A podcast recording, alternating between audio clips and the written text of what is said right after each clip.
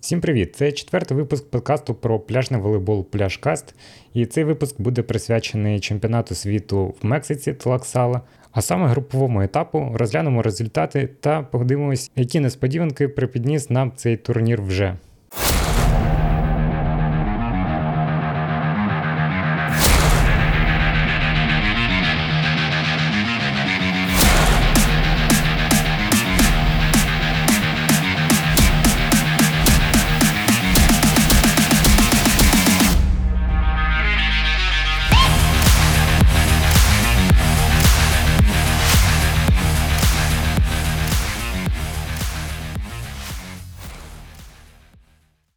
Чемпіонат світу одне з найбільш визначних подій року в світі пляжного волейболу.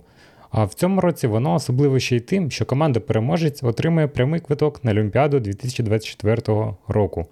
Детальніше про відбір я вже розповідав в першому випуску, якщо ви його ще не чули, то для більшого контексту рекомендую ознайомитись.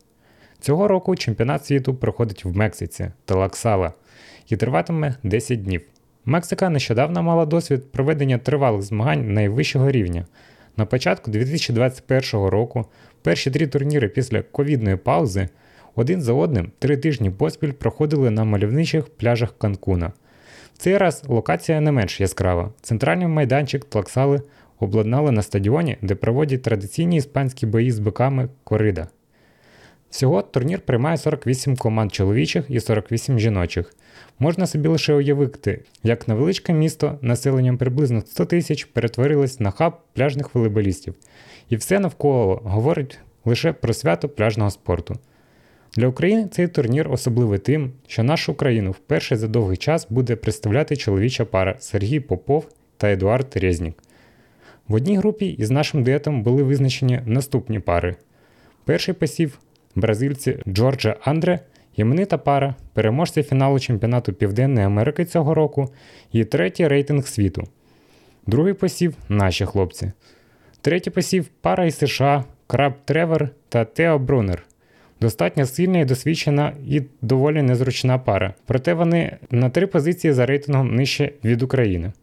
Четвертий посів ще одна пара із США Будідер Еванс. Будінер в минулому гравець НБА, високий атлетичний блокуючий, який після завершення баскетбольної кар'єри перейшов в пляжний волейбол.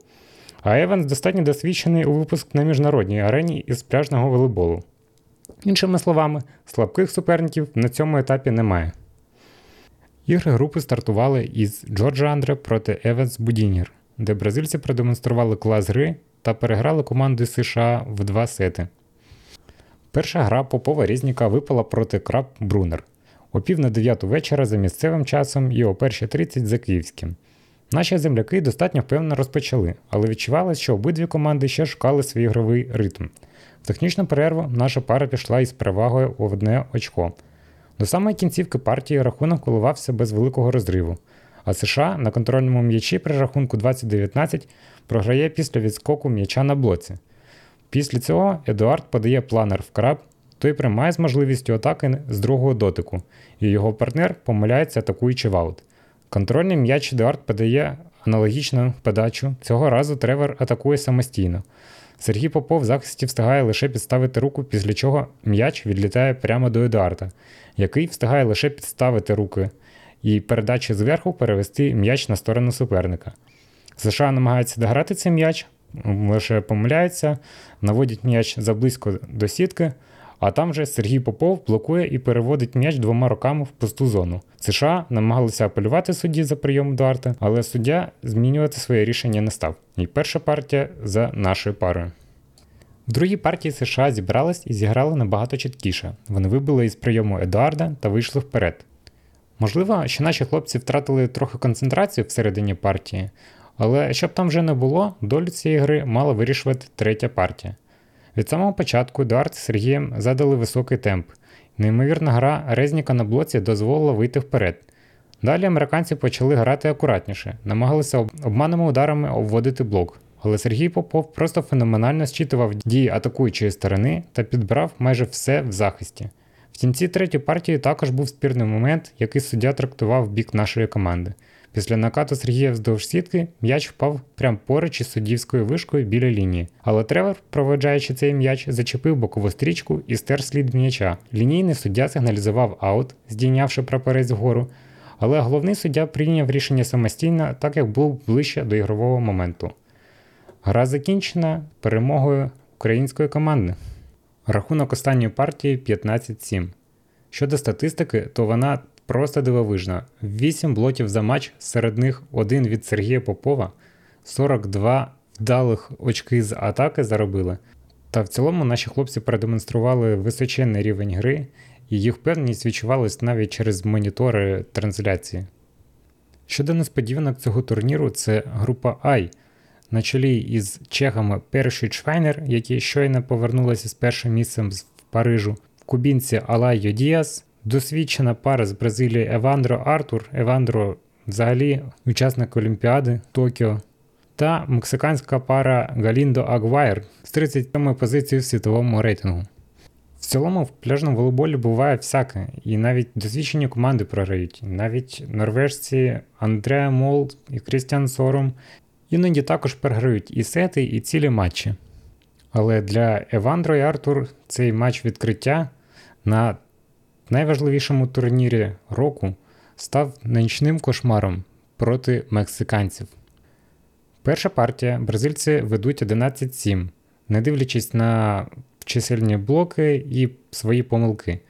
Потім рахунок стає 12-12, потім ще Мексика набирає очки і 21-17. Друга партія 21-18. Статистика цього матчу просто вражає. Жодного блоку зі сторони Евандра Артур, 5 зі сторони Грінда Агвайр.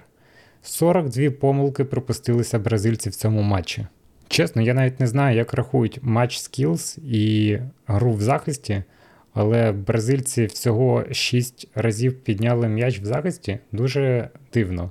Бо статистика США проти України 47 проти 42. Цікаво взагалі, хто і як займається підрахунком саме цієї статистики. Але факт є факт: мексиканці, 37 рейтинг, переграє 11-ту пару світу. Наступна гра з цієї ж групи Чехи, перший Чвайнер, які лише повернулися з Парижу, де взяли перше місце в фіналі проти Німеччини. Вони також в цьому році займали перше місце в Еліт 16 в Бразилії в Уберляндії. Вони єдина пара, яка із 32 е, топу рейтингу зіграли менше шести турнірів за цей рік. Але їх гра, їх рухи, їх гра на блоці в захисті завжди викликає неймовірні емоції, і вони демонструють волейбол найвищого класу. І кубінці, які за останній рік лише три турніри зіграли на турах чемпіонату світу з світової серії. Вони займають 39-ту сходинку в світовому рейтинзі. Наступний факт мене взагалі вражає, і я ніяк не можу зрозуміти, як це взагалі зараз припустимо. Ця пара їздить на чемпіонати Росії, і все, я не можу додати більше нічого. Просто я в шоці. Як це припустимо, і як взагалі FIVB пропустила цю пару грати на чемпіонаті світу? Щодо самої гри, ну, можливо, чехи не очікували такого оперу. Дійсно, Алая достатньо атлетичний, достатньо має притаманні кубінському волейболу потужні і взривні характеристики, і грає максимально на силу. І майже не користувалися обманними ударами. А в тих моментах, коли вони їх виконували, це було досить ефективно і неочікувано для чехів. Другу партію чехи взяли під свій контроль і довели до переможного кінця 21-17. У третьому сеті кубінець продемонстрував потужну гру на блоці, декілька помилок зі сторони збірної Чехії, і, на жаль, дуету із Чехії не вдалося вже повернути перевагу до кінця партії, і так закінчився третій сет 15-9 на користь кубінської пари. Наступна гра Україна проти Бразилії. Головний матч цієї групи. Привітання команд відбувалося під трек Калуша Соломія. Тому і не дивно, що початок нашої пари видався надзвичайно видовищний і активний. По запалу хлопців було зрозуміло, що вони викладаються на всі 100%. Бразильці вирішили подавати в нашого блокуючого, але Едуард справлявся достатньо добре з прийомом, таким чином, що Сергію не складало проблем видати гарну зручну передачу, з якою Едуард надзвичайно потужним ударом заколачував м'яч щоразу в майданчик. Бразильцям теж було чим відповісти на ці потужні удари, тому рахунок тримався приблизно рівний. Джордж Андре постійно тримали стабільний зйом. Лише після технічної перерви Джорджа вирішив змінити тактику і подавати в Сергія. Бразильцям навіть вдалося забити ейс. Ще декілька розіграшів вони забрали на блоці. Але при рахунку 14-12 Сергій Попов провів майстер-клас бразильцям із обманних ударів, виконавши свій коронний накат в довгу діагональ. Цікавий момент стався при подачі Сергія Попова на рахунку 14-15 в Андре. Андре справився спокійно з прийомом, але але Джорджа вирішив зробити передачу в стрибку і не зрозумів свого напарника, направивши м'яч за голову. Андре в той час виходив на атаку взагалі з іншого боку сітки. Але все ж таки бразильцям вдалося стримати перевагу в рахунку, і вони дотримали її аж до кінця партії. Але з початком наступної партії Едуард Резнік ніби синхронізував свої внутрішні годинники з космосом, налаштувався і видав абсолютно фантастичну гру, і лише за одну партію поставив 4 блоки, і і в цілому своєю активною грою біля сітки не давав простору бразильцям. Таким чином, і Сергію Попову було набагато легше відігруватись і створювати максимальні незручності і змушувати помилятись бразильців в атаці. Звісно, неможливо не відмітити і роботу Сергія в захисті. Щоразу, коли намагалися бразильці обійти блок обманним ударом в пусту зону, Сергій із надприродньою швидкістю доставав цей м'яч однією рукою, двома руками і створював можливість собі ще для атаки. Взагалі, коли у Сергія випадала можливість зіграти в захисті, було важко його навіть не сплутати з бразильцями, адже його засмага не поступається абсолютно Джорджа Вандерлею. Друга партія закінчилася з рахунком 21-12 на користь команди нашої збірної. Третя партія розпочалась рівно. То Джорджа помилявся в атаці, не попадав в майданчик, то блок бразильців закривав Сергія Попова, то команди розмінювались ейсами, але бразильцям вдалося вирватися трошки вперед, рахунок стає 13-11 і наступає момент найдраматичнішої розв'язки цієї гри. Джорджа подає силову подачу в Сергія Попова. Сергій справляється з прийомом. Едуард видає зручну передачу, але Сергій вирішує катити за блок Андре. І тут лише Сергій Попов знає істинні наміри свого прийому, чи він точно бачив блок і цілився блок аут, чи просто це випадок, і Андре все ж таки задіває м'яч і переводить в аут. Блок-аут рахунок 12-13, зміна сторін. Сергій виходить на подачу, подає в Джорджа і стається те, чого точно не очікували від бразильців. Андре намагається дати передачу зверху навіть без трибку і помиляється в передачі. Суддя свистить помилку подвійного дотику, і бразильці навіть не намагаються оспорити рішення. Всі згодні. Рахунок стає 13-13. Сергій Попов знов подає в Джорджа. Джорджа справляється з прийомом, але Андре вже не намагається навіть дати передачу зверху, дає знизу. Джорджа атакує через трос, значно пом'якшуючи цей удар. Сергій Попов спокійно приймає його зручно для Едуарда. Едуард видає передачу. Сергій переводить м'яч знову в дальню діагональ, але Джорджа справляється з цим прийомом і виходить на атаку і помиляється, атакуючи в сітку. 14-13 контрольний м'яч матчпойнт для України. Наступний розіграш Джорджа вирішує вже не ризикувати і накатом переводить м'яч вздовж сітки в пусту зону за Едуарда. Далі знову подача в Сергія Попова. Сергій справляється з прийомом таким чином, що Едуард з другого дотику знаходить можливість і атакує і забиває цей м'яч. Далі подача з Едуарда Резніка, він подає в Андре. Андре виходить на атаку і сильним ударом направляє м'яч у вільний простір майданчика. Рахунок стає 15-15, зміна сторін. Після переходу Джорджа подає в Попова, Попов атакує по лінії, але свисток лунає раніше, ніж м'яч торкається майданчика. Другий суддя фіксує помилку при блокуванні в сітці Андре. Далі на подачу виходить Попов, подає в Джорджа. Джорджа виходить на атаку за спину, але фінальну точку в цьому матчі ставить своїм блоком Едуард Резнік. Українська команда гарантує собі вихід із групи. Задача на груповий етап виконана.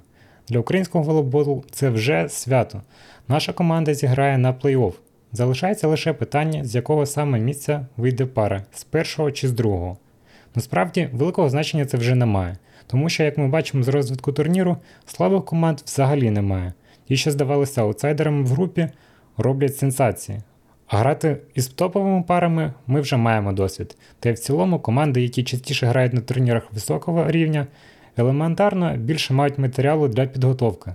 Всі матчі записані і доступні через ресурс Volleyball World TV, тому дослідити гру більш іменитих суперників значно легше. Тепер що ж до американців, то там Краб і Збрунер виграють своїх співвітчизників з двох сетів. В цілому виглядає, що має бути боротьба лише за друге місце в групі, бо бразильці виграли 2-0 Еванс Будьонер, свої обіграли 2-0. Напевно, і нашій парі не додасть складності розправитись з ними так само. Але якщо ви думаєте, що все так просто, все просто, але не так. Еванс і Будінер надзвичайно мотивовані зачепитись за будь-який шанс, хоч за ефемерне третє місце в групі, і спробувати увійти до числа тих Lucky Losers, які мають змогу продовжувати участь в турнірі. З самого початку Еванс демонструє надзвичайний запал майданчику. Він наче проникся атмосферою кориди і явив себе биком, кидаючись на кожен м'яч в захисті, безпомилково обробляючи сильні удари. Також цього разу в Едуарда не виходило знайти той ритм, з яким він ставить космічні блоки. В цілому грою абсолютно заволоділа команда із США і виграє найменш принципову зустріч для нашого дуету, тим самим додаючи інтригу і створює виключну турнірну ситуацію. Тепер Краб Брунер, які паралельно на центральному корті грають із Джорджа Андре, розігрують не просто потрапляння в плей-офф, а можливість залишитись на турнірі. Тобто ситуація стосовно програних виграних сетів в них однакова. Україна має дві перемоги, 2-1, а США і Бразилія мінімум одну перемогу із рахунком 2-0 по сетах. Значить, хтось із них потрапить на перше місце, а якщо програє, то вилітає з турніру з четвертої позиції. Але вони про це ще не знають. Першу партію лідує Бразилія, але з невеликим рахунком переграє 21-19. Другу партію Тревор Краб демонструє якісну гру в захисті та майже безпомилкову гру в атаці, та з мінімальним відривом США забирає другу партію. Третя партія розпочинається з переваги США 3-1, потім бразильці не здоганяють 5-5, 7-7. Як тільки Америка починає виходити вперед 10-8, бразильці забивають і і переривають серію подач. Далі Брунер після затяжного розіграшу без блоку забиває і на перевазі 11-9 відмивається зміна сторін. Брунер подає в Джорджа. Джорджа приймає під атаку Андре, але Андре помиляється ударом в аут. Наступну подачу точ в точ Бразилія розігрує, але вже в цей раз Андре влучає в майданчик. Проте наступний розіграш після прийому м'яча в захисті Андре намагається обіграти накатом за блок, і м'яч виходить в аут за бокову лінію. Ще наступний розіграш Джорджа навіть не перебиває сітку, поцілюючи у верхній трос. 14-11. Бразильці скоротять відрив ще на одне очко, але США все одно завершують матч на свою користь. І вже після фінального свистку Тревор і Тео дізнаються, що посіли перше місце в групі. І як вони пізніше прокоментують в інстаграмі групі смерті. Бразильцям ще доведеться розбирати причини свого провального старту на чемпіонаті світу, але в цілому для них це не дуже типова і така кількість помилок в таких відповідальних матчах. Можливо, Джордж Андре зарано розслабились і недооцінили суперників, а можливо, і інші фактори зіграли на кінцевому результаті. Я вже згадував про поняття Lucky Losers. Давайте повернемось до нього і детальніше розберемо. За регламентом турніру, після групового етапу до сітки плей-офф має потрапити 32 команди. Відповідно, 16 відсіються, але ж груп було всього 12. Значить, ті команди, які зайняли четверте місце, вибувають автоматично. Далі враховують рейтинг команд, що зайняли третє місце в групі, з різними показниками по пріоритету в наступному порядку: співвідношення виграних програних ігор, співвідношення виграних програних сетів і співвідношення виграних програних м'ячів в кожному сеті. Відповідно до цього рейтингу 8 гірших команд грають на вибування один раунд, який називається Lucky Losers. Переможці з них потрапляють грати в основну сітку плей-офф раунд 32 проти команд, що посіли перше місце в своїй групі. Всі інші команди проходять далі плей-офф відповідно принципу перший з останнім, другий з передостаннім і так до середини. Давайте тепер розглянемо, хто вийшов до сітки плей-офф з інших груп і з ким випадає грати Сергію та Едуарду. В групі А виходить з першого місця пара з першим посівом в світі Мол Сорум. Вони програли лише одну партію італійцям Лупо Росі. Італійці ж посіли групі друге місце. На третьому розташувались команда з Нідерландів Борманс de Грут. Нагадаю, що Борман це один із найпопулярніших в інстаграмі пляжників. Він рік відновлювався після травми і зараз грає лише другий турнір після відновлення. На четвертому місці опинилась команда з Мозамбіку. Група Б. Другий посів світу, шведи Оман Хельвік. Вони посіли перше місце з максимальним сет ратіо. Жодного сету вони не програли, максимально розважались і виконали всі можливі установки на груповий етап. На другому місці опинилась команда з Австралії Ходж Шуберт. Третє португальці Педро Закампус. І на четвертому місці команда з Еквадору Леон Маркус. В групі Сі на першому місці опинились команди США Партейн Бенеш. Вони всього одну партію програли французам Кроугарт і Арет. На другому місці друга пара з Норвегії Молгендрик Берцен. На третьому місці команда з Венесуели Петер Хернан і четверті, відповідно, французи. Група D. В цій групі перше місце Краб Тревор Брунер. Команда з України Попов Резнік посіли друге місце. Третіми, врешті-решт, стали Еванс Будінєр. І на четвертому місці опинились Джорджа Андре. Група І. На першому місці Сейдл Прістаз. Вони програли лише одну партію італійцям Карамбула Раньєрі. Карамбула Раньєрі опинились на другому місці. На третьому команда з Австрії Хорст. І на четвертому місці команда з Нікарагуа Мора Лопес. В групі F з максимальною результативністю, не програвши жодного сету, займають перше місце Елерс Віклер. Сильна команда з Німеччини, що на останньому турнірі Еліт 16 в Парижі в трьохсетовому фіналі здобули срібло. На другому місці команда з Чилі Аравена Другет. На третьому місці поляки Кантер Здибік і на четвертому Шалк Борн із США. В групі G на першому місці опинились катарці Шеріф Ахмед. На другому місці неочікувано опинились Китай, на третьому місці бразильці Педро Солберг Гюто, а на четвертому Гватемала Бланко Гарсія. В групі H на першому місці Герера Гавіра, Іспанія. Другими стали італійці Коттафава Ніколаї, треті австралійці Макх'ю Бернет і четверті мексиканці Бараєс Круз. В групі I одні з андердогів кубінці Алайо Діас посіли перше місце. На другому місці опинились бразильці Евандро Артур, на третьому чехи Перушич Швайнер і на четвертому мексиканці Галіндо Агуайр. В групі J перші два місця посіли команди з Нідерландів Імерс Ван де Вельде та Броур Мюсен відповідно. На третьому місці австралійці Ніколайдес Карачер та четверті команда із В'єтнаму Пітах Поравіт.